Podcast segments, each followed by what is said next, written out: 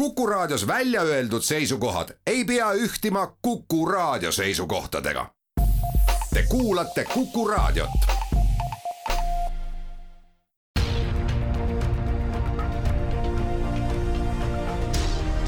uue samba taga. sammaste taha aitab vaadata sajaaastane eestikeelne rahvusülikool tere kuulama saadet, mis räägib loodusainete õppimisest ja õpetamisest nii õpilaste kui õpetajatele tarkuse jagamisest ja kaasprofessor Riina Soobart on täna minu vestluskaaslaseks jutujuht Madis Ligi. kui hästi lapsed loodusaineid õpivad, mida teie uuringud on näidanud? kui alustada nüüd äh, põhikooli tasemelt, siis võib öelda, et äh, rahvusvaheline PISA uuring näitab, et Eesti õpilased on loodusainetes äh, tipus Euroopas kindlasti ja maailmas ka. ja kuna mina olen ka PISA uuringute ekspert Eestis, ehk siis reaalselt seotud sellega, et et vaadata lähemalt, kuidas õpilased vastavad, siis tõepoolest üheksanda klassi tasemel ja loodusainete tasemel võib öelda, et õpilased on tipus. Nüüd teine teema on see, et mida erinevad uuringud mõõdavad. Et kindlasti on erinev fookus, et päris nüüd ühele uuringule tuginedes ei saa öelda, võib-olla nende kogu loodusainete alaste teadmiste kohta, sest igal uuringul on siiski piirangud, aga üldiselt ma arvan, et äh, me oleme liikumas äh, sinnapoole,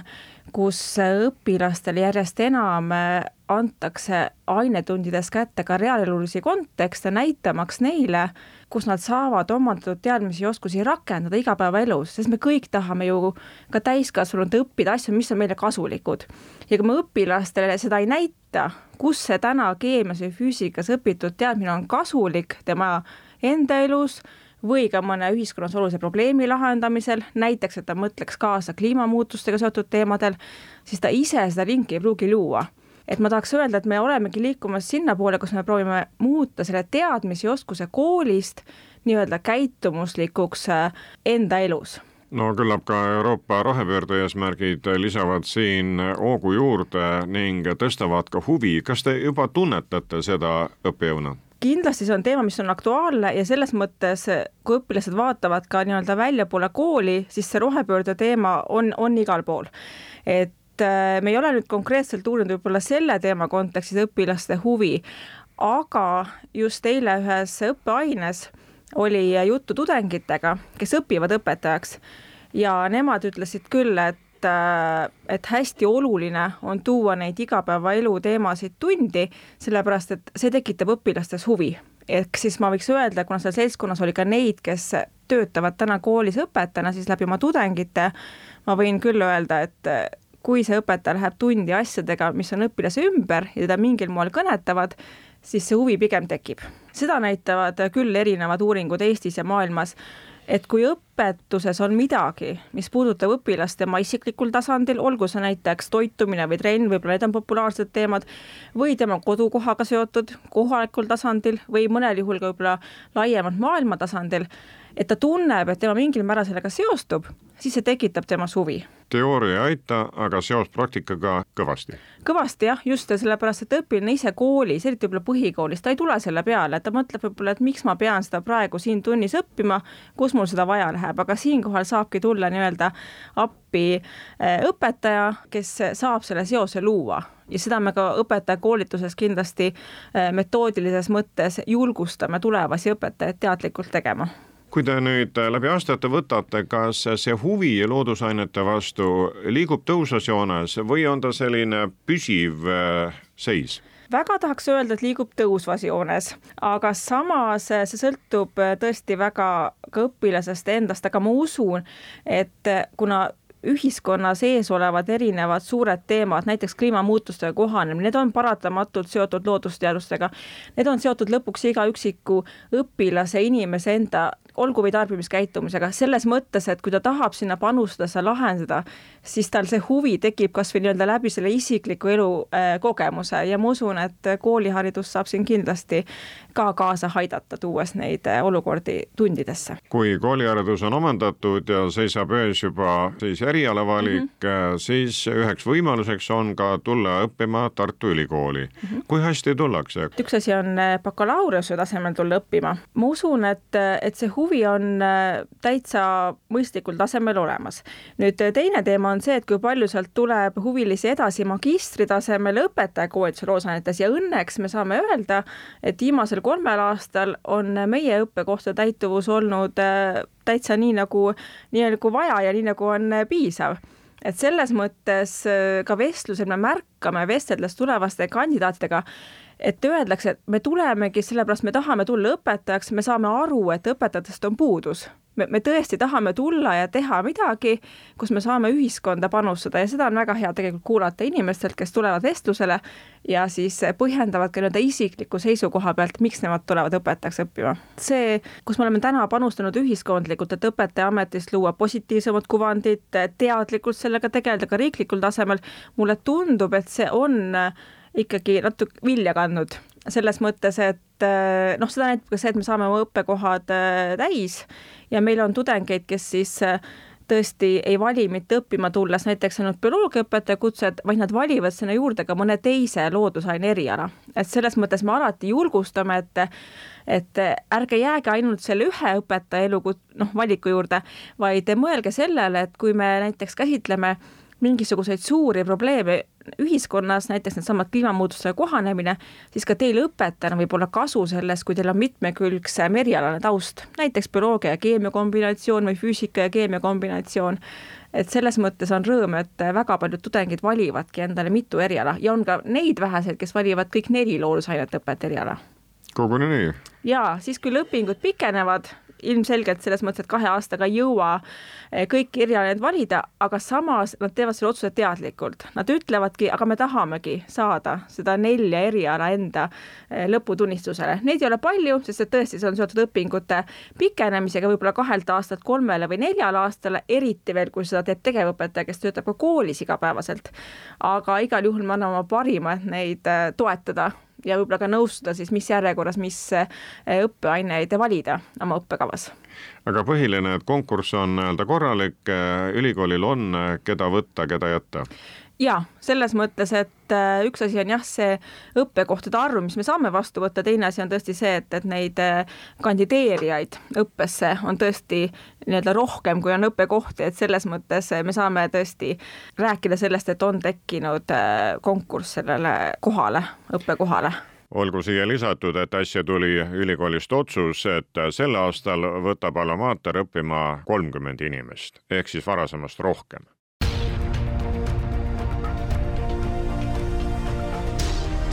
uue samba taga. sammaste taha aitab vaadata sajaaastane eestikeelne rahvusülikool Regina Soobert, kui nüüd äh, inimene ülikooli õppima tuleb loodusaineid, äh, siis äh, kuidas teil on õppetöö korraldatud ses plaanis, et kui ta tahab minna õpetajaks mm, -hmm. kas ta siis esialgu esimestel aastatel kursustel saab siis üldbaasi kätte, see pedagoogiline lisa tuleb natukene hiljem või hakkab kohe siis õpetamine õpetajaks? tegelikult hakkab see kohe. Et selles mõttes, et õpe on kaks aastat, sellel õppekaval õpe on sessioonõppena, mis tähendab seda, et ta on kaks korda kuus neljapäevast laupäevani, aga see üldine loogika, ütleme, kui ma ka selle õppekava programmijuhina soovitan tudengitel aineid valida, siis esimesel aastal on loomulikult neid ained, mis on äh, nii-öelda pedagoogika taustaga, pedagoogia psühholoogia. Ja siis äh, kindlasti ka ütleme, näiteks siis erialaained, selles mõttes, et noh, ütleme bioloogiaõpe või keemiaõpe. nüüd see, kuidas õpetada, ehk siis didaktilised ained on tõesti meie õppekavas teisel aastal koos siis suuremate praktikatega, aga üldiselt on see õpe siiski väga niimoodi põimitud, et teooria ja, ja igal õppeaastal, igal semestril on ka mingisugune praktiline väljund seda katsetada õpetajaks klassi ette võib siis äh, koolitatud inimene minna pärast bakalaureuseõppe lõpetamist no tegelikult on niimoodi, et õpetaja kutse saavad nad peale magistriõpingute läbimist. Et selles mõttes äh, ongi hästi oluline, missugune äh, motivatsioon või huvi õpetajakutse vastu tekib neil, kes õpivad bakalaureuseõppes näiteks äh, loodusteadusi sellepärast et, et nemad on need, kes mingil hetkel oma elukutse valikus saavad teha otsuse, et ma soovin saada magistriõppes pedagoogilist haridust, et minna loosainete õpetajaks. et selles mõttes peaks seda vaatama nagu kompleksis, et need esimesed kolm aastat on justkui aine omandamine, mida sa hakkad õpetama ja siis see magistriõpe on nagu see aine, siis pannakse sellisesse pedagoogilisse, didaktilisse konteksti, et kuidas seda siis teistele inimestele edasi anda kui inimene on õpetajaks läinud, siis kui püsivad on nad selles ametis, ollakse ikkagi eelnevalt nii-öelda kodutöö ära teht-, teinud ja kui juba noor inimene läheb mm -hmm. kuue samba tagant kooli, siis ta sinna ka jääb, nii et alla ei anna no sellega on nüüd erinevaid äh, lugusid, et äh, on uuringud, mis näitavad, et Eesti õpetajate puhul noh, viis aastat tundub olevat selline kriitiline piir, kus võib-olla lahkutakse töölt. et seal on ilmselt erinevaid põhjuseid, aga ma arvan, et äh, võib-olla noh, inimlikust seisukohast ei pea sellesse ka väga traagiliselt suhtuma, sest inimesed soovivad teha kannapöördeid oma elus, panna ennast proovile mõnes teises valdkonnas ja võib-olla tulla pärast mõne kogemuse võrra rikkamana tagasi kooli õpetama. teine asi on see, mille peale võiks, ma arvan, mõelda, on see, et mis on see õpetajale suunatud karjäärimudel et ta ei läheks koolist ära näiteks sellepärast, et ta tajub äh, ühiskondlikku survet, et kui ma juba õpetajaks õppisin, siis see on see üks elukutse, kus ma peangi järgmised kakskümmend või kolmkümmend aastat töötama, samas kui teised äh, rõõmsalt vahetavad oma elukutset ja noh, võtavad vastu uusi väljakutseid. et äh, on arenguid selles karjäärimudeli väljatöötamise suunas ja ma usun, et sellest oleks kasu, et kui näidata, et kui sa oled omandanud pedagoogilise hariduse, siis mis on see veel see, mida sa saad haridussüsteemis teha, kuhu panustada, kas siis üldhariduskooli sees või mingil moel ka juba arendustöös, mis on suunatud hariduse valdkonda, et ma usun, et see karjäärimudeli väljatöötamine võiks olla ka see, mis annaks õpetajat õpetaks õppijatele kindlust, et on veel valikuid peale klassi ees seismise ja kui sellest tööst ära väsida, et siis ei pea tingimata veel haridussüsteemist ja koolisüsteemist väljuma. ülikoolis saad sa õpetaja hariduse nüüd edasi on see, et eh, see haridus ja see, mis sa said, me oleme kõik tõenäoliselt oleksime omanäolised õpetajad ja sa hakkad seda, mis sa ütleme ülikoolis said, läbi praktiliste tegevuste tööna õpe, töös õpetajana rakendama, eks ju, sa hakkad proovima, kuidas see minuga sobitub, mida ma võib-olla inimesena seal taustal tunnen, et selles mõttes tõesti, et sa hakkad seda omandatud haridust nii-öelda sobitama iseendaga, et kujundama endast seda omanäolist õpetajat. et selles mõttes ma usun, et kindlasti, kes soovivad tulla õpetaja kooli, koolitusse ei pea kartma, et me lõpuks eeldame, et kõik on täpselt ühesuguse haridusega ühesugused õpetajad, ma arvan, selles koolis väga igav. et selles mõttes seda õpetajaharidust võikski võtta sellisena, et see on midagi, mis täiendab mind inimesena ja ma saangi minna kooli ja siis seda omandatut rakendada nii-öelda läbi iseenda, õpetades siis õpilasi, kasutades omandatud haridust, aga olles ka see inimene, see omanäoline õpetaja seal koolis jah, eks see mitmekesisus on tähtis nii õpetajale kui ka õpilasele ja teile Loodusteadusliku Hariduse Keskuses mm -hmm. annab see siis tööd, et neid mõlemaid pooli kokku viia, vajadused ja võimalused eh, klappima ajada jaa, meil on, on see õpetajahariduse programm gümnaasiumil alustavate õpetajaga, milles äh, meie keskuse töötajad on seotud erinevate ainete õpetamises. Ja teiselt poolt meil on siis ka erinevad äh, teadus- ja sellised äh, rakendusprojektid, milles me siis ka uurime seda, kuidas see, mis me näiteks soovitame teha tulevastele õpetajatele, kuidas see siis nii-öelda õpilaste poolt tagasisidestatud on, ehk siis me uurime tõesti ka õpilaste võib-olla õppimist mõnes aines või nende huvi ja motivatsiooni või see, kuidas nad siis äh, tunnevad, et äh, nad äh, nii-öelda nende loodusteaduslikud teadmised siis kasvavad. aga mida näitab praktika selle poole pealt, et kui paljud inimesed tulevad kooli teiste erialade pealt, nad tunnevad mm -hmm. uksed, et nad tahavad loodusaineid õpetada, nendel on selleks vajalikud teadmised aga nad õpetajana ei ole, nad on pidanud mingit teist ametit, nüüd aga leiavad, et kool on nende jaoks õige koht. tegelikult eh, vähemalt viimasel kolmel aastal väga paljud selles mõttes, kui ma mõtlen väga paljud, ütleme nendest, kes siis on õppima tulnud, et ongi täpselt seesama, et nad on otsustanud mingil hetkel mõnest teisest valdkonnast teha selle kannapöörde nüüd õpetajakoolituse kasuks ja nad tihti ütlevad ka, kui nad on näiteks olnud oma eelnevas elus siis mõnel ametniku positsioonil, näiteks mõnes looduse või keskkonna teemal, siis nad tunnevad, nad tahaksid nii-öelda suhelda teistega, nad tahaksid õpetada, neil on kogunenud seda erialast teadmist, oskust, mida nad tunnevad, nad tahavad edasi anda. Ja kui nendel on olemas ka vastavad eh, varasemad õpingud, miks nad võimaldavad meie õppekaval õppima asuda, siis tegelikult ma usun, et eh, niisugused inimesed ka kindlasti rikastavad loodusainete õpetajate seltskonda koolis, nad tulevad teistsuguse kogemusega võrreldes nendega, kes võib-olla tulevad otse ülikoolist läbi erinevate haridusastmete järjest. ehk siis, kui on õpiampsud olemas, siis mm -hmm. õpetaja-ampsud on ka olemas, et kui ma olen valmis bioloogiat näiteks õpetama, siis ma ei pea olema seal koolis täiskoormusega, vaid ma võin anda teatud arv tunde nädalas. jaa, selles mõttes, et ma arvan, et see, kuidas nüüd, kui õpetajakoolituse läbinud inimene, et kuidas ta nüüd täpselt äh, soovib oma tööd jagada, kas ta tahab seda teha poole kohaga, täiskohaga, see on tõesti juba täpselt see, mis sellele inimesele endale sobib ja ma arvan, nagu iga ametikoha puhul, nii ka see õpetajaamet ja see koormus, see peabki inimesele sobima, et ma usun, et siis ka pigem äh, on ta selles ametis järjekindlam mitte ta ei tunne võib-olla kohustust, et ma nüüd pean siin andma täiskoormusega tunde, aga kui ta tahab seda jagada mõne teise valdkonnaga, siis eh, ma usun, see on ainult rõõm, kui inimene püsib selle võrra kauem ametis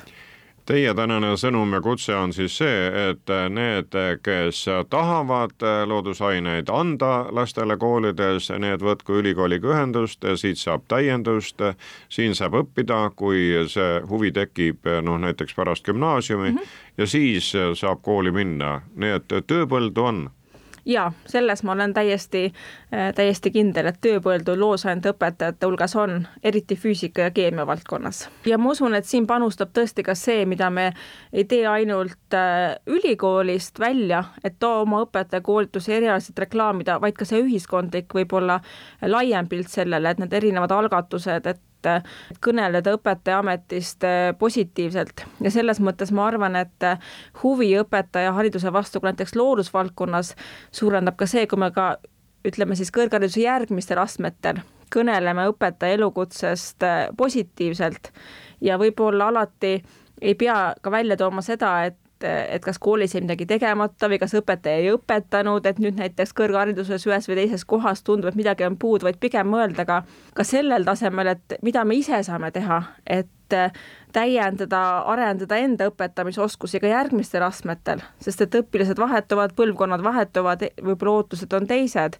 Ja õppimise puhul koolis kindlasti ei ole kogu vastutus õpetajal, õpetaja saab luua õppekeskkonna, aga õppija vastutab ise oma õppimise eest, et siis vahest ongi natukene kurb kuulda, kui, kui tundub, et justkui, et kui õpilane midagi ei oska, et siis see õpetaja jättis midagi tegemata, et seal ongi alati selline kombinatsioon, et, et see positiivsem kõne ja see väärtustav eeskuju ka järgmistel kõrghariduse astmetel on kindlasti see, mis võib sütitada mõnes noores selle mõtte nii-öelda enam, et ma soovin tulla õpetajaks, sest me ju keegi ei taha valida elukutset, millest keegi teine kõneleb halvasti. Et me tahame ikkagi seda, kus me oleme väärtustatud, tunnustatud, seega me võiks kõik mõelda, et kuidas me saame olla eeskujuks, et meile tuleks enam inimesi õppima õpetajaks vastuvõtt ei ole enam kaugel, nii et mõelgem siis ise või andkem nõu nendele, kes on ilmutanud äh, sõnas ja pildis siis huvi loodusainete vastu. Tartu Ülikool on üheks võimaluseks, kus siis loodusaineid omandada, selleks, et juba üldhariduskoolis äh, neid teadmisi noortele jagada. aitäh, kaasprofessor Riina Soopaart, küsija oli Madis Ligi